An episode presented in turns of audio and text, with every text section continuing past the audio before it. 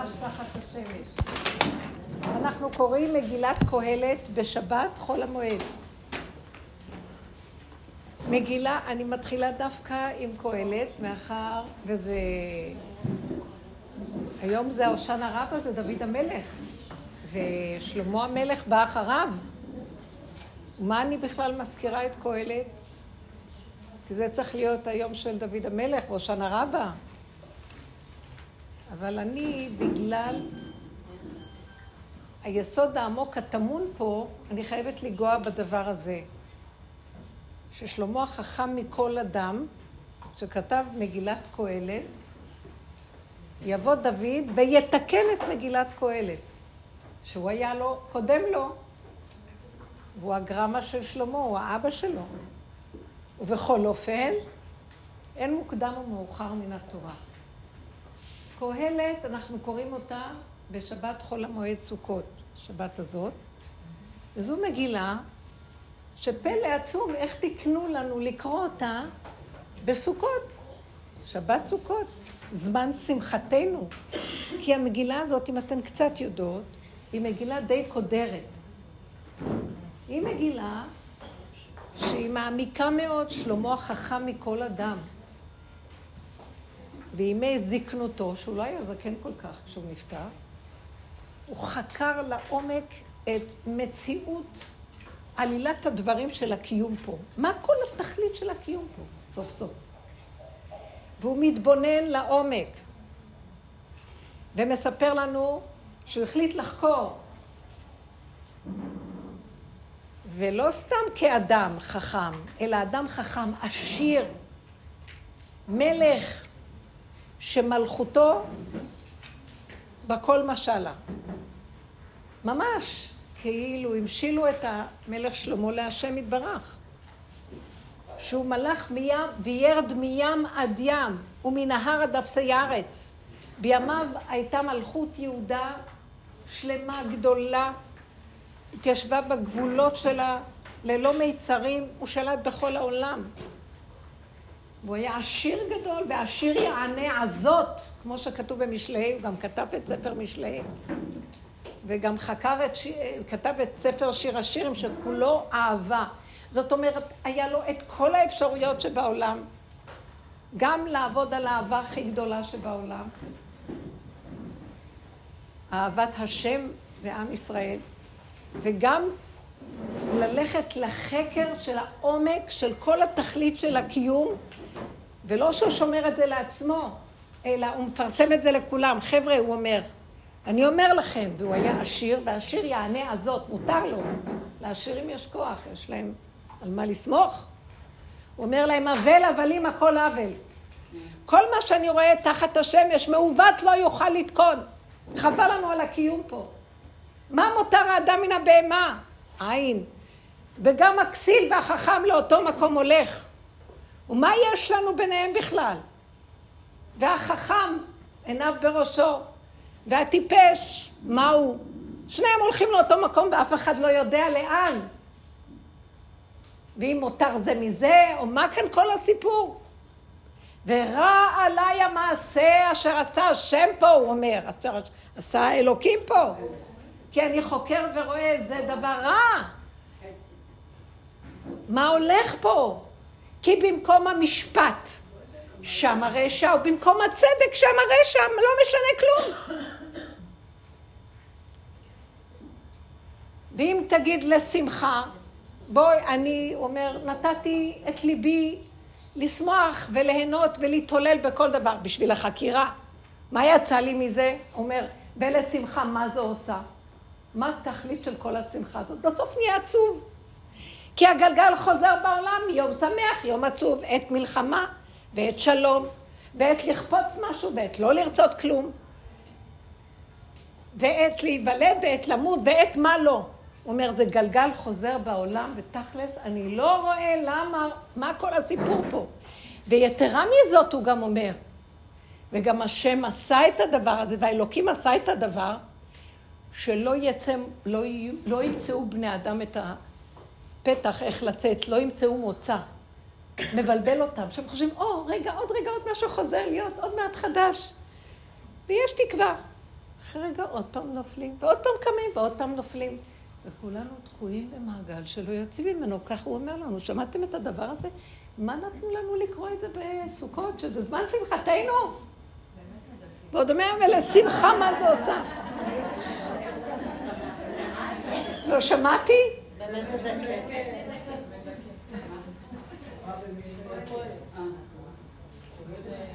ואני רוצה כאן לנגוע בנקודה שזה בדיוק הסיפור פה. צריך את זה? לא.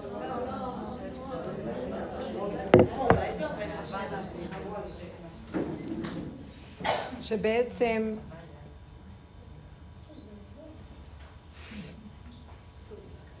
בתוך המגילה טמון שמחה גדולה מאוד. אם יהיה לנו מרכיב אחד, וזה מה שבא דוד המלך וסידר את זה. גם דוד המלך אומר, ואני בחופזי אמרתי כל האדם כוזב, גם אני חקרתי אומר, גם אני התבוננתי, ואני אומר אין תכלס פה. אבל אז הוא אומר, מה אשיב להשם? פתאום הוא אומר, רגע, רגע, רגע. אבל בכל אופן,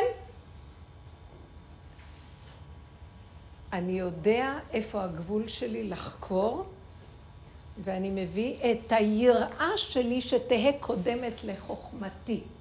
אם שלמה חוכמתו באיזשהו שלב גברה עליו, ובאיזשהו מקום חוכמתו קדמה ליראתו, בא דוד המלך ואומר, גם אני שואל, גם אני חוקר, גם אני עובר איסורים וכאבים גדולים מהעולם. כל התהילים יוכיחו, אבל דבר אחד אני לומד ויודע, את הגבול שלי. כשאני באתי להתריס ואני אומר, כל האדם כוזב, פתאום הוא אומר, מה אשיב להשם? כל תגמולו היה לה, הוא נזכר בהשם ואומר, וואו, מה אני יכול לבוא ולהגיד? שאני כל כך בחופזי, אומר כל האדם כוזב. השם אומר לי, מה אתה מרים את האף? מה אתה יודע יותר מדי? מה אתה הולך בגדולות ובנצורות? כי לא הלכתי בגדולות ובנפלאות ממני, אומר דוד המלך, אם לא שיוויתי נפשי כגמול עלי אמו, כגמול עלי נפשי. אני חוקר, אני מתבונן, אני שואל, אני צועק. אבל אני יודע לחזור לדבר אחד, לזכור שבתוך כל השכל הגדול שהוא נתן לי, בתוכי בסך הכל שוכנת בהמה. שמעתם מה הוא אומר? בהמות הייתי עמך. אני, אסור לי לשכוח אף פעם שאת השכל הגדול שלי והשאלות, כי נתנו לי שכל. אבל את השכל הגדול שיש לי, אני חייב כל הזמן להכניס לתוך המוגבלות הפשוטה הטבעית שלי, ולא להשאיר אותו פה, אלא להוריד אותו לגבול, ולהכיר שאני בסך הכל קטן ועלוב. אם אין מי שינשים אותי, אז אני לא יכול לנשום. ואם אני בבוקר קם ואני לרגע לא יכול להרים את היד, אז אני אומר, אבא, תעזור לי. אבא זה אתה שהחזקת אותי קודם ואני חושב שזה אני. אז הוא כל הזמן עשה תשובה מהשכל הגדול והדעת העליונה וההבנה וההשגה וההשכלה המדהימה והחוכמה המרטיטה לזכור תמיד לחזור למקום אחד. למוגבלות ולקטנות, כי זה כל האדם, שזה גם בסופו של דבר המסקנה של קהלת. טוב, אז הוא אומר לו, טוב, אז אתם יודעים מה, חבר'ה, אחרי כל מה שחקרתי, ומה שיש לי כעס על הכל, ומה זה שהשם תקע אותנו פה ואין לנו יכולת לצאת כבולים, ומה שהיה הוא שיהיה, ובכל אופן, אתם יודעים משהו? סוף דבר הכל לשמה. את האלוקים ירא, ואת מצוותיו שמו. זה כל האדם. כי זה כל האדם. בסופו של דבר, נכון שמותר לשאול, אז בשביל מה נתנו לנו את השכל? נתנו לנו שכל. ונתנו לאדם יכולת לחשוב ולחקור ולדעת ולהבין כמעשה העליונים. הוא שיתף את המלאכיות ואת השכל הנבדל העליון באדם. אבל גם יש עוד משהו שבאדם יש ואין במלאכים. מה זה? כוח הבהמה שבאדם. על זה אומר דוד המלך בתהילים, ערומים בדעת ומשימים עצמם כבהמה. זאת אומרת שיש להם דעת, אבל הדעת היותר עליונה, לא להשאיר אותה פה שתרחף ותגדל ותשכיל ואקדמיות ותעודות והשכלות, ואז האדם עף על עצמו. ותארים, ואז מי יכול לעמוד לידי ומי ידמה לי ומי ישווה לי? אלא אם חכמת, חכמת לך. ואל תשכח שכל זה מאוד יפה פה. וזה מול, זה דבר גדול. אבל אם אתה לא יודע לעגן את זה ולהכניס את זה לתוך הבשר והדם שלך, המוגבל, כי מותר האדם מן הבהמה אין, אז השכל שלך יהיה לך לרועץ, והוא ייקח וימלא אותך את כל חלל החשיבה וגם ההרגשים, וישתק את הגוף וימלא אותך מרירות וכבדות. שנייה, בדיוק, מאוד יפה את שואלת. זאת אומרת שעלינו לדעת, שיש לנו רשות לחקור ולדעת. אבל אם אנחנו לא נדע את הגבול של החקירה והידיעה וההבנה וההשגה וההשכלה, ולהוריד אותה למידות, שנאה דורש, יהיה נאה מקיים, ולא רק יקשקש וידע. אז האדם הזה מתמלא מרירות גדולה. ואני יודעת שאם יש לי קצת מרירות וטענות וכאבים, אתם יודעים מה? אז אני יודעת, משהו צועק ואומר, אה, ah, את עברת את הגבול, את כנראה אה, התרחבת מדי בשכל, תרדי למטה. תעשי קצת חסד, תתני להוא, תסדרי לזה, אבל אין אף אחד לידי, אין לי למי לתת. אז תתני לעצמך, את גם איזה זקנה קצת שצריכה איזה כוס קפה, תכיני לזקנה הזאת קפה, זה גם חסד. אף פעם אנחנו לא נפסיק מלתת ולעשות. כאשר אני יודעת שבעצם, אני זה לא אני, זה הוא נתן לי את המציאות הזאת, זה לא שלי פה כלום, יש רגע אחד שקוראים לבן אדם והוא נעלם מפה. מה שלא פה, משאיר את הכל והולך. אז הוא יודע, הוא משתף את המציאות השכלית במציאות הקיומית. כלומר, החוכמה והשכל זה מתנה, זה מלאכיות, זה שכל נבדל. אבל אם זה לא יורד למציאות המידות וההתנהגות בפועל במעשה, אז יותר טוב לאדם שלא נולד.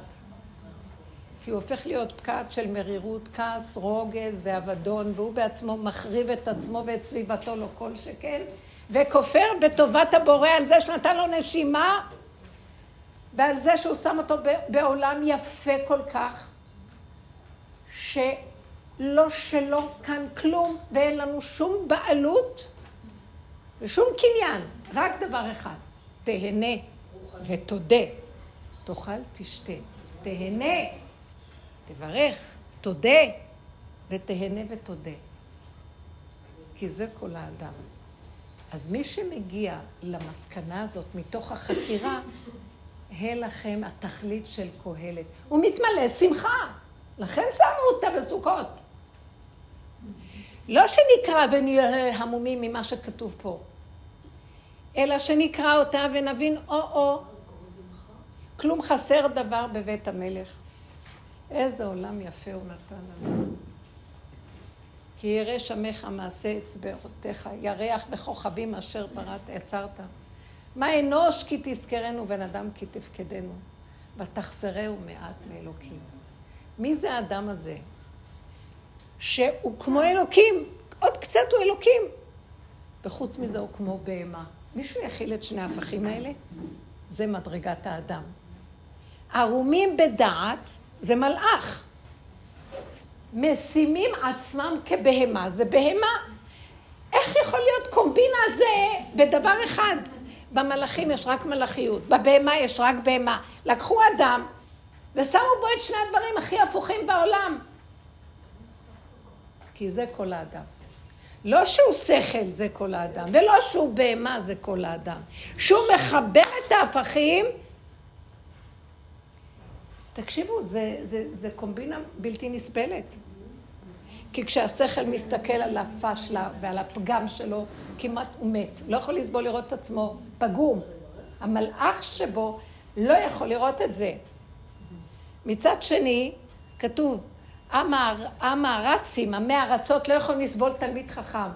עם הארץ רואה תלמיד חכם, רוצה לאכול אותו, להרוג אותו. כך כתוב על רבי עקיבא, לפני שהוא היה תלמיד חכם, הוא היה עם הארץ. הוא היה אומר, מי ייתן לי תלמיד חכם, אני אנשוך אותו כמו חמור. למה שלא אגיד כמו כלב? כי כשחמור נושך, הוא גם נושך וגם משבר את העצמות, אה, גומר עליו. זאת אומרת, יש שנאה. איך אפשר לקחת את שני החלקים האלה ולחבר? מי שמצליח לחבר, שיהיה לו גם שכל, זה מתנה. אבל שלא תזוח עליו דעתו, ושלא יחזיק את עצמו, ולא יתגאה על סביבתו, ולא ילך בגדולות ונפלאות ויהיה ממורמר הפקעת של שנאה וכעס. אם אדם כזה, שקיבל דעת, יודע לקחת אותה ולשים אותה במידות, בבחינה, וידעת היום, והשבות אל לבביך. זה האדם, אין מדרגה בעולם שעומדת לו. עוד קצת, קט, האלוקים והוא כמעט עומדים באותו מקום. אתם יודעים איזה מדרגה זאת?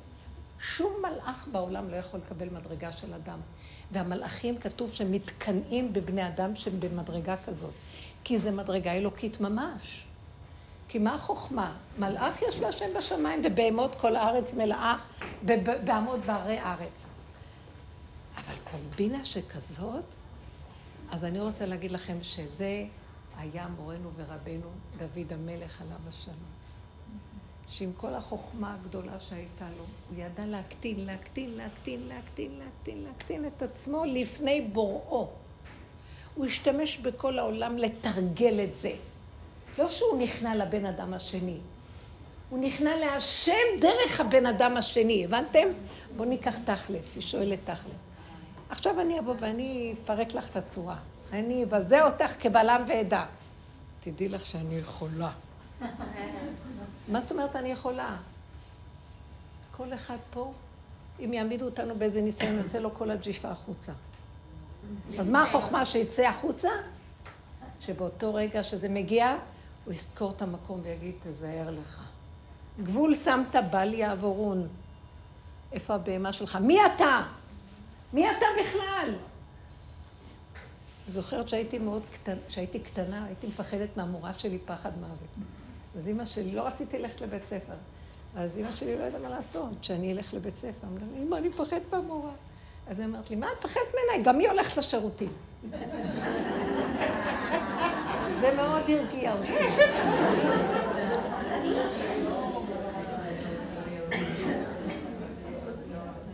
כי זה כל האדם. אני עשיתי ממנה ככה. אמרת לה, מה, באמת? כן. כי כל האדם, זאת אומרת, עם כל השאלות הגדולות וכל הנהגת העולם, ושאנחנו חוקרים ורואים, ויש לנו כאבים, בסופו של דבר, שימו לב לדבר אחד. אם מר לנו ואין לנו חשק לכלום, סימן שעברנו את הגבול, תזהרו מזה. שמעתם? כולנו. בואו נהיה ילדים קטנים, מודים להשם. כן צריך ללמוד, אין לדעת. כן להתבונן, אבל לא יותר מדי. אז אם נראה את עצמנו ממורמרים, כאובים, שבורים, נפולים, אין לנו חשק לחיות, מעצבן אותנו כל דבר. נרגנים, מתלוננים, זהו. עברנו את הגבול. תודה רבה, נושמים. מה יתונן אדם חי? די לו שהוא חי. מספיק שהוא חי. כדי להגיע למדרגה הזאת, לחבר את הדת עם הבהמה, שזה מדרגת האדם, שזה נושק כמעט לאלוקות, כי בשביל זה השם ברא את האדם. בשביל מה הוא צריך לברוא אדם? יש לו מלאכים בשמיים, מלאכים אש. שרפים עומדים ממעלו.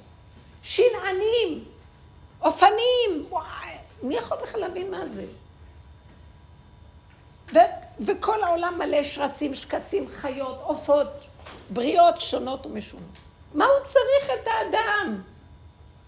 הקומבינה הזאת, בתוך גוף אחד, זה כל האדם, ועל זה אומר, כי זה כל האדם. אז מה זה כל האדם?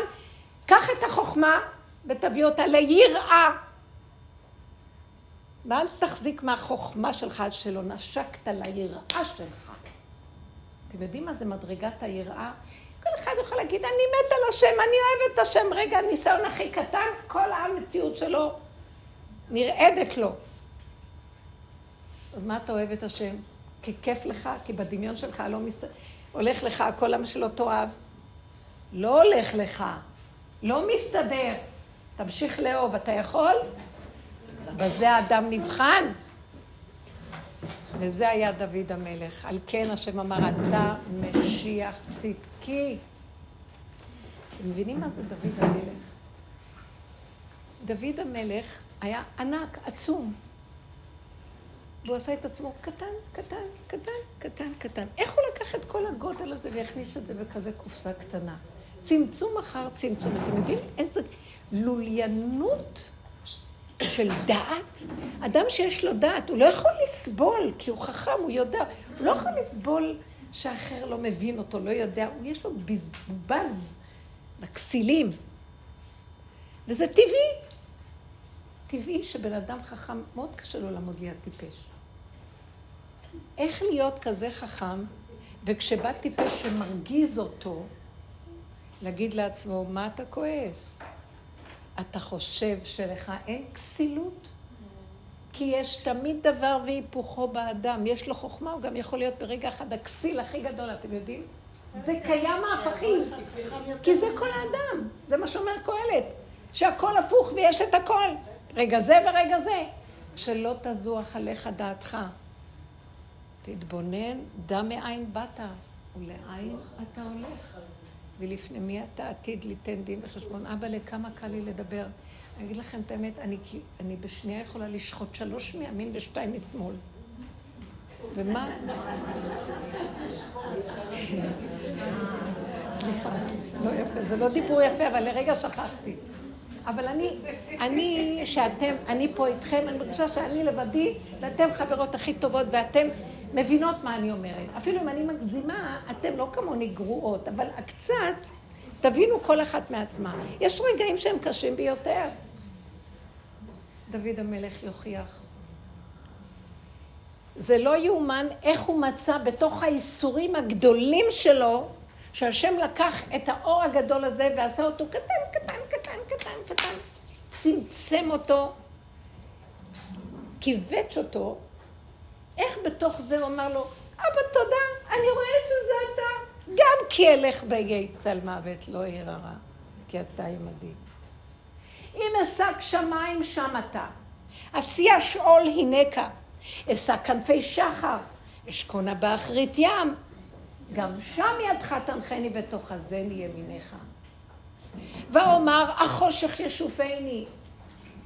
ואז הוא אומר, לא, אני מפחד מהחושך, לא, גיליתי שכחשך כאורה, תמיד אתה נמצא גם בחושך, גם באור, גם בגיא צל מוות, גם בשעות תחתיות, גם בשמיים. אין רגע פנוי ממך. איך הוא הצליח להביא את ההפכים שכל אדם על פי דת נורמלית לא יכול כל כך בקלות לסדר. קהלת מלא שאלות כאלה. איך יכול להיות שרגע שמחה ואחר כך עצבות? איך יכול להיות שמלחמה ולמחרת אלה שרבו היום בשלום? לא יכול להבין את זה. הוא לא סתם שואל שאלות, הוא בא לעורר אותנו לתמיהה הגדולה. תפעילו את השכל, תתבוננו. אבל כשאתם מפעילים את השכל ומתבוננים, תדעו את הגבול. בסוף הוא אומר לנו, כי זה כל האדם, תתייראו. בא דוד המלך עוד לפניו ואומר, מי יבוא אחרי המלך? דוד. אני הולדתי את שלמה, בכל מה שהוא מדבר אני עברתי, אבל יש דבר אחד שאני אלמד אתכם, שזה היה העיקר והתכלית של כל החוכמה שלי, יראה, התמעטות, קטנות, שפלות, ענווה, הכנעה, הסכמה, השלמה, קבלה, כפרה לא לריב. כי אם אני רבה, אני מפסידה. ויש פעמים קל לי לדבר שפשוט הבן אדם כמעט לא יכול. אז לפעמים אני מרגישה, אני אומרת להשם, כל כך הרבה עבודות עשיתי, ופתאום אני לא יכולה להתאפק ואני יוצא לי משהו. ואז אחרי רגע אני אומרת, למה שלחת לי את זה אחרי כל העבודה שעשיתי? אז אני שומעת את הקול הפנימי אומר לי, לראות אם תצחקי שזה לא כלום. רגע נפלת, רגע קמת אותו דבר, ככה שחקה, אורה נפילה, כמעט אותו דבר. מה את משתהה? מה את עושה עניונים פה? מה העניינים שלך פה? אז אמרת, כפרה, אז מה? לא התכוונתי, יצא לי. תקומי מהר! תתאוששי מהר, תזרמי מחדש, כלום לא קרה. הבנתם מה היה דוד המלך? השם הכריח אותו בכל האיסורים שלו לא לתת ממשות למציאות של העולם פה. זה עולם שמטעה אותנו ומביא אותנו או לגאווה בשמיים, מי בכלל כולם חוץ ממני, או ייאוש וכדרות, אין לי חשק לחיות, יאללה בוא נמות. לא זה ולא זה. אני כל רגע נופל, קם, קם, נופל, קם, נופל, קם. למה אני נופל? כי מאוד קשה להיות פה בעולם הזה של השקר, וגם לא להידבק בו. עם כל העבודות הכי קשות. יש רגע שמרגיז אותך משהו, כאילו, כי אתה במקום של עבודה פנימית, והשני לא. אז הוא מרגיז אותך, ואתה יכול להתרגז. זה מאוד קשה. אז שהשם ישים אותי במדבר או בשמיים, או באיזה כוכב אחר. לא, לא, השם אומר לו, לא, איך אני אדע אם אתה באמת עובד? ועוד פעם, ועוד פעם, ועוד פעם, ועוד פעם. אני אשים אותך בבוץ, בתוך המרגיזים הכי גדולים שלך במשפחה. אומרים חז"ל לקראת הסוף, אויבי איש, אנשי ביתו. אנשי ביתו, אז לאן נברח? ואם אתה בורח לשם, אוי ואבוי משם. אם תלך לכאן, אוי ואבוי מכאן. אין לך לאן ללכת, רק אליו. מה זה אליו? אה, להתאפק רגע ולצחוק שהשני מרגיז אותי. ואם אני לא יכולה, אז תצאי עליו. אז אבל אחרי רגע תחזרי ותצחקי. מה את לוקחת את החיים ברצינות? תתאמנו על זה. זה היה דוד המלך. רגע אחד. ודוד המלך היה לו יצרים חמים. הוא היה חם מזג, הוא היה קופץ, הוא היה היפראקטיבי. אה, אני תמיד אומרת, יש אה, תסמונת AD, ADD, דוד, דוד המלך, דידי, ידידי, דוד, AD, ADD, דה, דה, דה, דה. כל הזמן הוא היה ככה.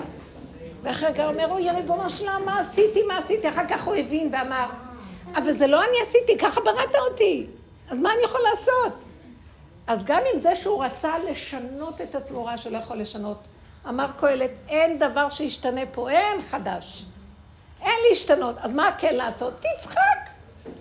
את זה השם רוצה. הוא לא רוצה שתשנה. השם בשנייה בא ומשנה הכל, אבל הוא רוצה ממך שתגיד, אני לא יכול. תשמח, תצחק, תגיד, יאללה, כפרה, אני דבוק בו, ושהוא יעשה מה שהוא רוצה. יאללה. אבל הוא מלמד אותי לא להיות טיפש. ללכת להתקל עם החיים. אני רואה אם האדם הזה זה מסוכן, אני עוקפת. לא אומרת, לא עונה, לא זה, לא שם. בוא, נפלנו, קרה מקרה ואנחנו לא יכולים, אז שם נקיים את ההנהגה היפה הזאת. קמנו, אחרי שנפלנו. אם אפשר קודם, אז נתאפק, ואם לא, אז אחרי. אני גם חושבת שיותר טוב יש מה שנקרא מלכתחילה, ויש בדיעבד, נכון? אתם מכירים את זה? מה זה מלכתחילה? אם אני יכולה להתאפק, שאני אתאפק. ואם אני לא יכולה, זה בדיעבד, נפלתי, אז אחרי כן אני אתאפק, או אני אצחק וזהו. מה ההבדל ביניהם? אני בעד הבדיעבד. אני חושבת שהבדיעבד הוא יותר גדול מלכתחילה. למה? כי המלכתחילה אדם חושב, התאפקתי, התאפקתי. אני התאפקתי. זה שנפל בדימד אומר, לא יכולתי גם להתאפק, אני לא יכול.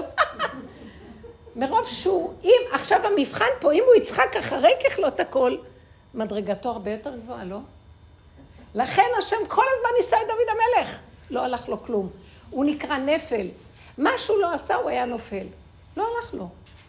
בסוף הוא צחק מזה, הוא אמר, אבן מה עשו הבונים הייתה לראש פינה. אלה באים לבנות. בונים בניין, אני לוקח אבן, לא הולך לי, האבן נשברת לי ועוד פעם. אני נשארתי עם אבן והם יוצאים עם בניין.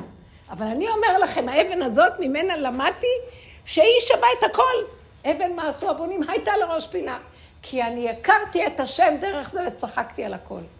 ואמרתי, רק אתה תסדר את הכל, אני מוסר לך את המציאות שלי, יאללה. כי אם לא הייתי מתנשא שוב ושוב ושוב ושוב, עוד נפילה, עוד נפילה, עוד נפילה, לא הייתי מגיע למקום הזה. אז יראתו גדולה. יראתו מלשון שהוא רואה שזה הכל השם כל הזמן. זה היה דוד המלך. אז אני רוצה להגיד לכם, אנחנו מאוד מבוהלים מהאיסורים והכאבים, ולא הם ולא שכרם, ובורחים. אבל באיזשהו מקום, דרגת האדם היא להישאר במקום הזה ולא לברוח, אבל קשה האיסורים. אז בואו נפרק את האיסורים במוח. אתם יודעים מאיפה באים האיסורים? מזה שאני מפרש את זה. ואני אומר, אה, זה בגלל שהוא עשה ככה, והוא חושב עליי זה, ואיך אני נראה, והשם לא יאהב אותי. אם אני אומרת לעצמי, מה עושה בהמה? היא עושה חשבונות. היא יודעת לחשבן ולהגיד זה או זה או זה. היא נפלה, היא יושבת. יכולה לקום, היא קמה. הולכת, הולכת. אומר לה הבעלים, תרבצי, רובצת. אז בואו נאחז בכוח הבהמה שיש בנו, ולא נדע יותר מדי. תדעו לכם, באדם יש את כל הכלים לעבוד. דוד המלך, השם לקח לו את כל החוכמה הגדולה שלו, והביא אותה למקום של בהמות הייתי עמך. הוא למד שאין חוכמה יותר גדולה מזו. לא להיות בהמה. לקחת את השכל הכי גדול ולהביא אותו לתוך הבהמה. זה לא אותו דבר כמו בהמה, כי הוא בחר לקחת את השכל ולהביא אותו למקום של הגבוליות שלו. אתם שמים לב איזה גאוניות זאת? הבנתם מה אני אומרת? כי למה אני לא רוצה? אף אחד, כולם בורחים מהנקודה של הבהמה. אבל אם השם בעולם הזה מביא אותנו לניסיונות, הוא רוצה שניקח את הכוח הזה ונביא אותו למקום של ההכנעה. ואין מדרגה יותר גבוהה מזאת, לקחת את המוח של האדם, שנאצל מהחלקים הכי גבוהים, ולהביא אותם לתשתית, אבן השתייה, אבן מה עשו הבונים, של היסוד הראשוני, ולדעת, כלום, אני לא מציאות, רק אתה חי וקיים, אני ממליך אותו לגמרי עליי, בלי שום אינטרסים ודמיונות. וזה היה דוד המלך. איזה מדרגה. תקשיבו, אתם מבינים מה אנחנו מדברים? בשביל מה נשארנו ערים? ומה העניין של להגיד את התהילים? תחפשו בתהילים ותראו שכל המסרים שלו שם מובילים לנקודה הזאת. גבוליות, הכנעה, התמעטות, שפלות. יש לו פרק תהילים שאומר, אוי עלי כי גרתי משך, שכנתי עם עולה קדר, בשיר המעלות. רבת שכלה נפשי שונא שלום, אני שלום וכי אדבר הם על המלחמה. הוא אומר ככה, אוי ויי, נמאס לי כבר לריב, אני כל היום המוח שלי רב איתי, כל היום השונאים שלי באים להילחם איתי, ואני אומר להם, די, התעייפתי, אני לא רוצה יותר, תנו לי לשבת, תנו לי להירגע, אני מוכן להישאר דבוק בבהמה שלי, דבוק בהשם, דרך הבהמה. והם משגעים אותי, המחשבות של הבן אדם משגעות אותו. אז הוא אומר להשם, אתה רואה השם, כמה אני רוצה להגיע כבר למדרגה הזאת, כמה זה קשה לי, כי יש שם שלווה, יש שם רגיעות, יש שם שקט, פשטות, אמיתיות. מה אכפת לי? כמו ילד קטן, ראיתם איך הילדים הקטנים נראים?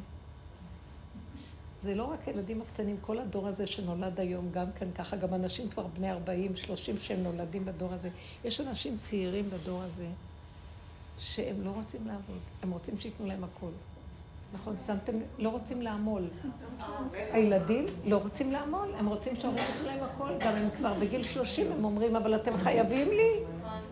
היה איזה מישהו בארצות הברית שטבע את ההורים שלו, שאמרו לו, די, אתה גדול, צא מהבית, 35. הוא אמר להם, לא, אני עוד רווק, אני בבית. אז, אז בבית המשפט הוא זכה. בית המשפט של, אה, אתם יודעים, הכל הפוך פה.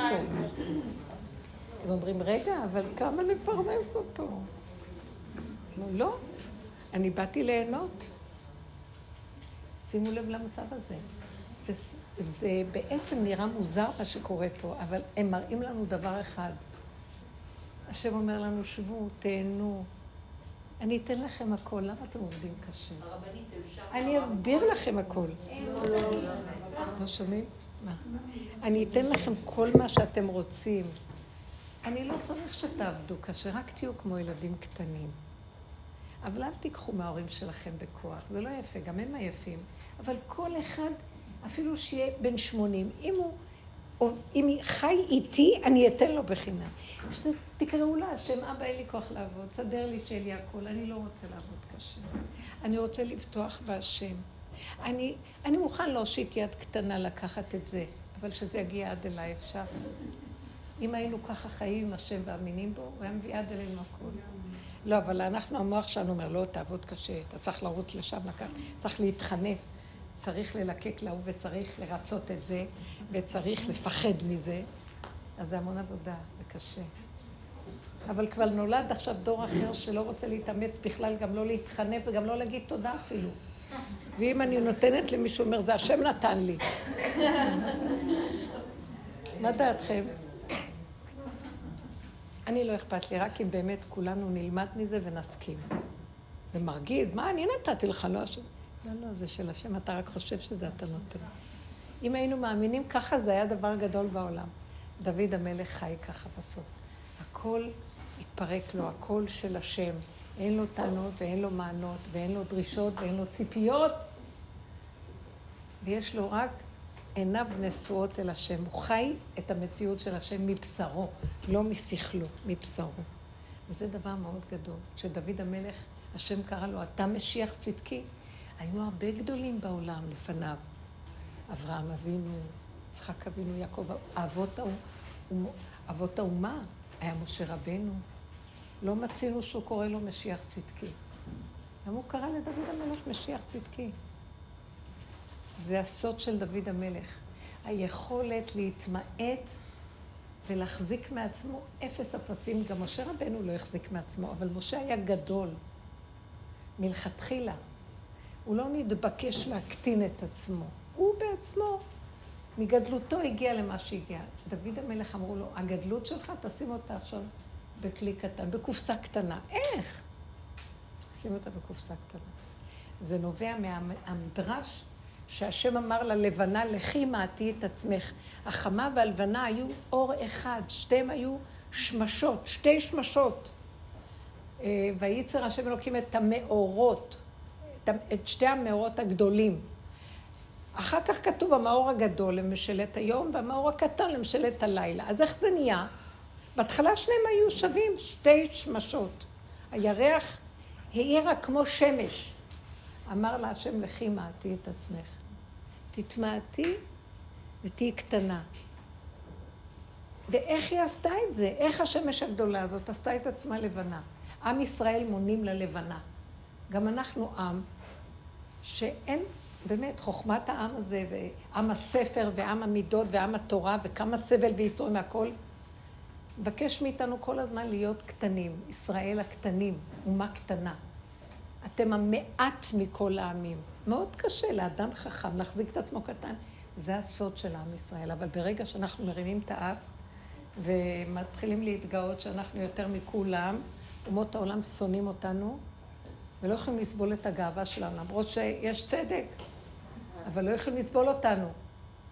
כי כל התיקון של כל העולם תלוי בהתמעטות של עם ישראל. שלא נחזיק מעצמנו, נעשה את עבודתנו. ולא נחזיק מעצמנו. ואז נתקן ככה את כל העולם שהם גאווה וגדלות.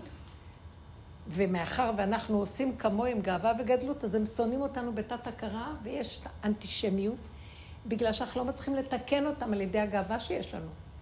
על כן דוד המלך בא והוא תיקן את כל העולם, ודוד המלך הוא משיח של כל העולם, לא רק של עם ישראל. הוא המשיח שיגאל את כל העולם, והמשיח יגאל את כל העולם. על ידי המציאות שהוא יכניע את הנקודה שלו, והקטן והגדול, הוא ישווה אותם, ולא יהיה הבדל ביניהם. כחשיכה כאורה. זה לא משנה כלום. כשמתגלה השם, אין גדול ואין קטן, ואין למעלה ואין למטה, ואין מלאך וגם לא בהמה. יש חי וקיים, אין עוד מלבדו. והוא היה דוגמה מדהימה למקום הזה, להראות לנו איך להגיע למקום הזה. עכשיו, זה בלתי אפשרי לאדם בלי שהוא ייכנס לעשות עבודה פנימית עצמית. כל הזמן להתבונן. מה להתבונן? כמה שהגאווה שלו לוקחת אותו רחוק מעצמו. איך אני אדע שהגאווה לוקחת? הכעס זה גאווה, השנאה זה גאווה, הקנאה זה גאווה. גם הייאוש זה גאווה. למה? כי יש מי שמתייאש. הגאווה זה אני קיים. גם הגאווה בצד השני שלה זה ייאוש. אני, מי אתה שתתעצב ומי אתה שתתגאה? מי אתה בכלל? תנשום ותגיד כי ככה, זה מה שהשם רוצה, מה אכפת לי? מה זה קשור אליי? זה שלו, זה לא שלי. עשינו את הכל שלנו מדי. זה גניבה במוח. יש לנו תחושה עצמית, ישותית, שאנחנו משהו. זה גונב אותנו, ואחר כך לרועץ לנו. אנחנו מצדיקים את זה, לא, אבל אני, ואני, ואני בן אדם, ואני, יש לי תואר, ואני עשיתי, ואני אימא, ויש לי ילדים, וכמה נתתי לילדים, וכמה התמסרתי לבעלי, ומה מגיע לי, ולא מגיע לי, וכן מגיע לי. אז תתעוררו. לא להתמסר לאף אחד, דבר אחד. רק להשם. אל תעיזו להתמסר מדי לילדים, שקר וכזב. צריך לתת להם, יש לנו תפקיד. אבל יש חולי של התרחבות יתר, של האימא וההרגשים שלה. בסוף הילדים יראו לה. כי ככה זה דרכו של עולם. זה לא הילדים מראים לה, זה השם שם בליבם של הילדים להראות לה, את עזבת אותי, תאכלי אותה. כן. ואם אני אומרת, טוב, טוב, טוב, אני נזהרת, רב אושר, אני תלמידה של רב אושר, עליו השלום, שהיה דרך דוד המלך, דרך האמת. והוא היה אומר, תיתנו נשיקה לילד, לא חזק, לא ככה. ויותר מדי. תעשו ככה. וכשאתם מנשקים, תדעו שאת השם אתם מנשקים. זה שלו, לא שלכם. כשיעקב אבינו פוגש את יוסף אחרי עשרים שנה, שהוא לא ראה אותו. מה, אתם יודעים איזה... הוא, הוא, הוא מתגעגע אליו עשרים שנה, ופתאום הנה הוא רואה אותו. מה הוא עשה באותו רגע? הוא אמר, פחד השם שמא אני אשכח את השם ואני אשים את יוסף, שזה הבן שלי, מה יותר מזה? ועוד יוסף הצדיק ויעקב הצדיק. לא אמר, לא, לא, לא, ביני לבין יוסף יש את השם. הוא חיבק את השם, כאילו הוא מחבק את יוסף, אבל הוא חיבק את השם. זאת אומרת, פחד שמא הוא ייתן לו יוסף התרגשות יתר, ולא להשם את כוח התודה. שמעתם על דבר כזה? הנה. אז אנחנו צריכים ללמוד מזה. ואני ראיתי שכשאני נזהרת לא לתת ממשות לילדים, הם כבר גדולים, אבל שהם היו קטנים גם, רק מזה הם צמחו, ואני מודה להשם שהם צמחו ממש בני עלייה ולא שלי, שלא יתברך. איך, איך? לא לתת להם ממשות רגשית גדולה. תעמדי כמה מטרים מהם, במרכאות. זאת אומרת, הם ישגעו אותך הלא, ילדים קטנים בכלל, וההורים כל הזמן מגיבים. הילד צועק, מה אתה צועק? לא צועק, אין צועק. תני לו לצעוק. לא להגיב, לא להגיב, לכי ל... רק כשאת רואה פיקוח נפש, שלא ימותו חלילה. ברוך אתה אדוני אלוהינו מלך העולם שהכל נהיה בגלל. אותו דבר עם הבעל. אנחנו אחרי הבעלים.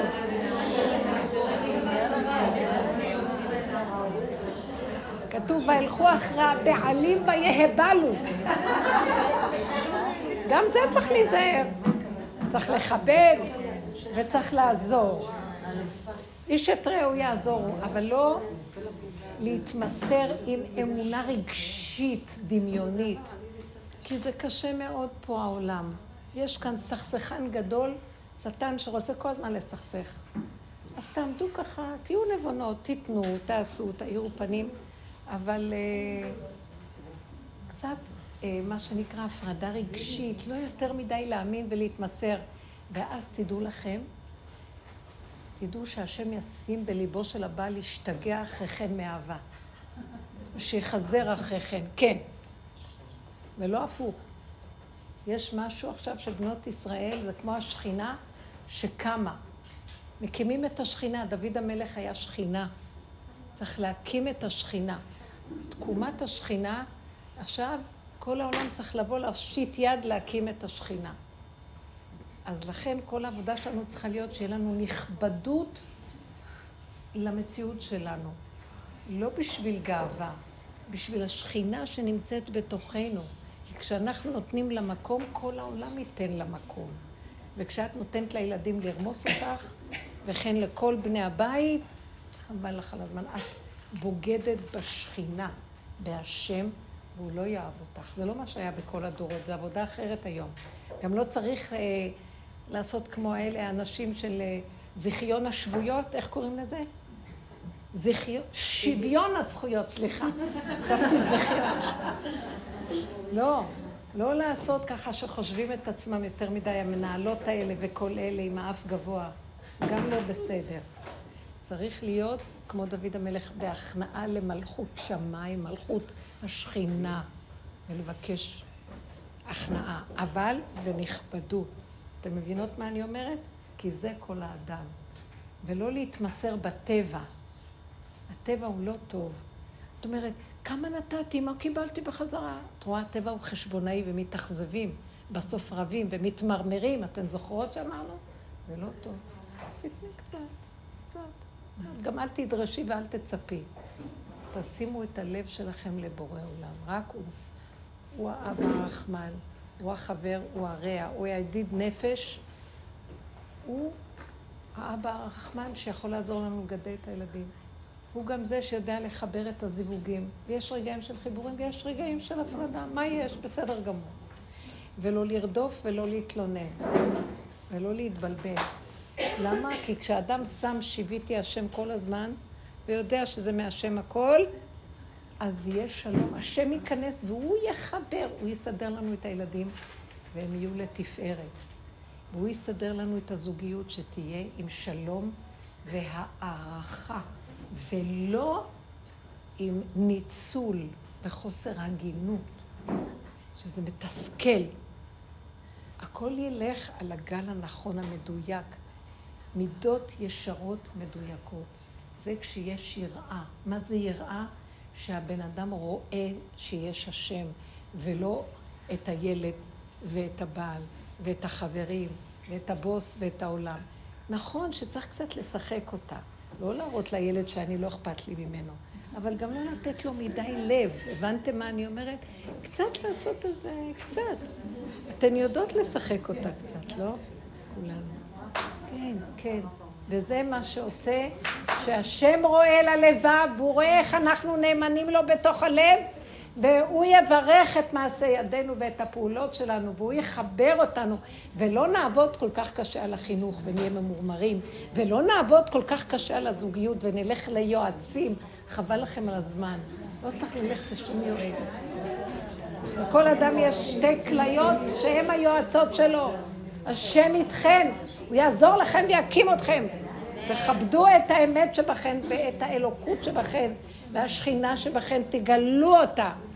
זה מה שהשם אהב אצל דוד המלך, הוא גילה אותה. איפה היא נמצאת? במטמוניות, הוא ירד למטה על הבהמה שלו, שם היא נמצאת.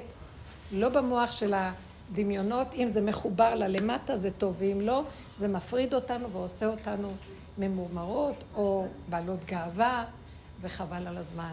ולכן מה שאנחנו נלמד מדוד המלך, שזה נקרא הושענא, הוא כל הזמן היה בתפילות להשם, תושיע אותי, תעזור לי. איך אני יכול לקחת את המוח הזה, ואיך אני יכול להביא אותו אליך לפשטות והכנעה, ושלא יתגדל עליי וימרוד בך, כי אני בשנייה מורד בך. תרחם עליי ותעזור לי. אנא השם הושיע נא, תצליח אותי. הוא ביקש והתחנן על זה. הוא לא ביקש, אה, שהילד שלי יהיה זה, ושבעלי ייתן לי כסף, וזה יסדר לי, הוא ביקש רק על זה, ורק על זה, ורק על זה. בסוף היה לו הכל. בסוף הוא קיבל הכל. כי כשיש את המפתח הראשי של האוצר, הוא פותח את הכל. את זה תבקשו מהשם, יראת השם. היא אוצרו. וישי יראת השם, היא תתהלל. אנחנו חייבות לקבל את היראה הזאת. זה נקרא מידות ישרות. מידות שיש בהן איזון ושיש בהן שכל נכון. כשאנחנו אומרות את הפיוט של אשת חיל בערב שבת, אנחנו מסתכלים על איזו אישה נאצלת, שהיא מדהימה, היא לא, היא לא נחה רגע, אבל היא גם לא מתאמצת בכלום. שמתם לב, היא עושה ובאה ונכנסת והולכת וקונה ובאה. ופיה פתחה בחוכמה, ויושב בשערים בעלה והכל בסדר. היא רק חיה עם האור של השם, הוא מזיז אותה, הוא מנהל אותה, דרכה הוא פועל ודרכה הוא עושה, והכל ברכה ושפע ושלום, וחסד ונתינה ועשייה, ובריאות ושמחה, ומה לא.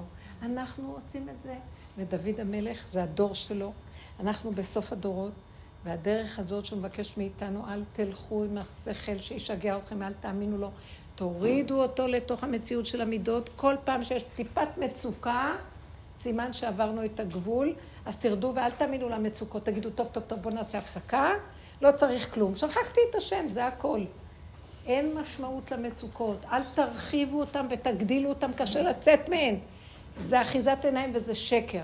קטן, נקודתי, נקודתי, נקודתי. תמיד בשיעורים אנחנו אומרים שיהיה לנו ברומטר שמודד את המצוקה. טיפה ראשונה, מעלה ראשונה, תגידו, לא, לא, לא, לא בשבילי. תביאו לי משהו לאכול, משהו לשתות, משהו ליהנות, משהו לשמוח, משהו לעשות, ולהודות להשם. ואז אנחנו מתאזנים, ועובר כל המצוקות, מה קרה? לא קרה כלום. לא להאמין בהם, ולא הם ולא שכרם. והשם עושה לנו ישועות. השם ייתן לנו חן וחסד ורחמים. שנזכה כשקוראים את התהילים לחפש את המילים האלה, את הדברים האלה, את היראה של דוד המלך. הוא כל הזמן רק דיבר להשם. הוא ראה שאין לו, מה יעשה לי אדם? השם אה, יראה לי ויעזור לי. השם יהיה בעוזריי ואני אראה בשונאי. אני לא צריך בכלל להילחם עם הצונים. הוא יסדר לי את הכל. אני רק צריך להיות קשור איתו. אני רק צריך להגיד לו, לבקש ממנו, להתפלל אליו. אה, להתפלל על עצמכם, מה אני אתפלל? לא מבקש ממנו, תביא לי, תביא לי, תביא לי. אני אומרת לו, אבא, תעזור לי שאני לא אתרגז. תעזור, רק במידות. תעזור לי שאני לא אקנא, הקינה הורגת את הבן אדם. תעזור לי שאני לא אחשוב על בן אדם אחר שהוא נמצא שם. ברגע הזה במוח שלי, מה לי ידידי בביתי? למה אני צריך עכשיו לחשוב על מישהו בכלל? מה חסר לי הרגע פה? שאני אשמח ויעשה מה שאני צריכה. שהמוח יהיה ריק, והלב נקי, והידיים מלאות פעולה, כמו אשת חיל, וזה כל הזמן לשים לב, ולא לתת למוח להתרחב, ולא לתת לסערה של הרגש להתרגש. ואם אתם רואות שכן, אז מיד לחזור ולצעוק, אבא תעזור לי. מתלבשים עליי הכוחות ולא נותנים לי מנוחה. ואם אנחנו לא מביאים אותם בחזרה מהר, הם משתלטים עלינו, והאדם אחר כך כדורים! כולם הולכים כדורים. בבקשה לחזור ולהתחבר אליו ולבקש רחמים. ביני לבין עצמי. כל היום תדברי אליו, רק על הדברים האלה, להתבונן בעצמך, שימי פנס ומראה, זה כל היום יעסיק אותך, כל השאר יבוא לבד. שפע יבוא לבד, בר... בריאות תבוא לבד, ברכה בילדים תבוא לבד, אהבה מהזוגיות תבוא לבד, הכל לבד, לא להתאמץ. בעלך יעריץ אותך, תשמעו, אנחנו צריכות להיות עכשיו שכינות יפות, מתוקות. תכבדו את עצמכם ותראו שהילדים יכבדו אתכם. אנחנו לא הזבל של אף אחד, שמעתם? אנחנו הבנות של השם. יש בדור הזה תפקיד עכשיו לבנות להקים את השכינה, לנשים. זה לא בשבילנו, זה לא דבר עצמי וגאות ישותית עצמית.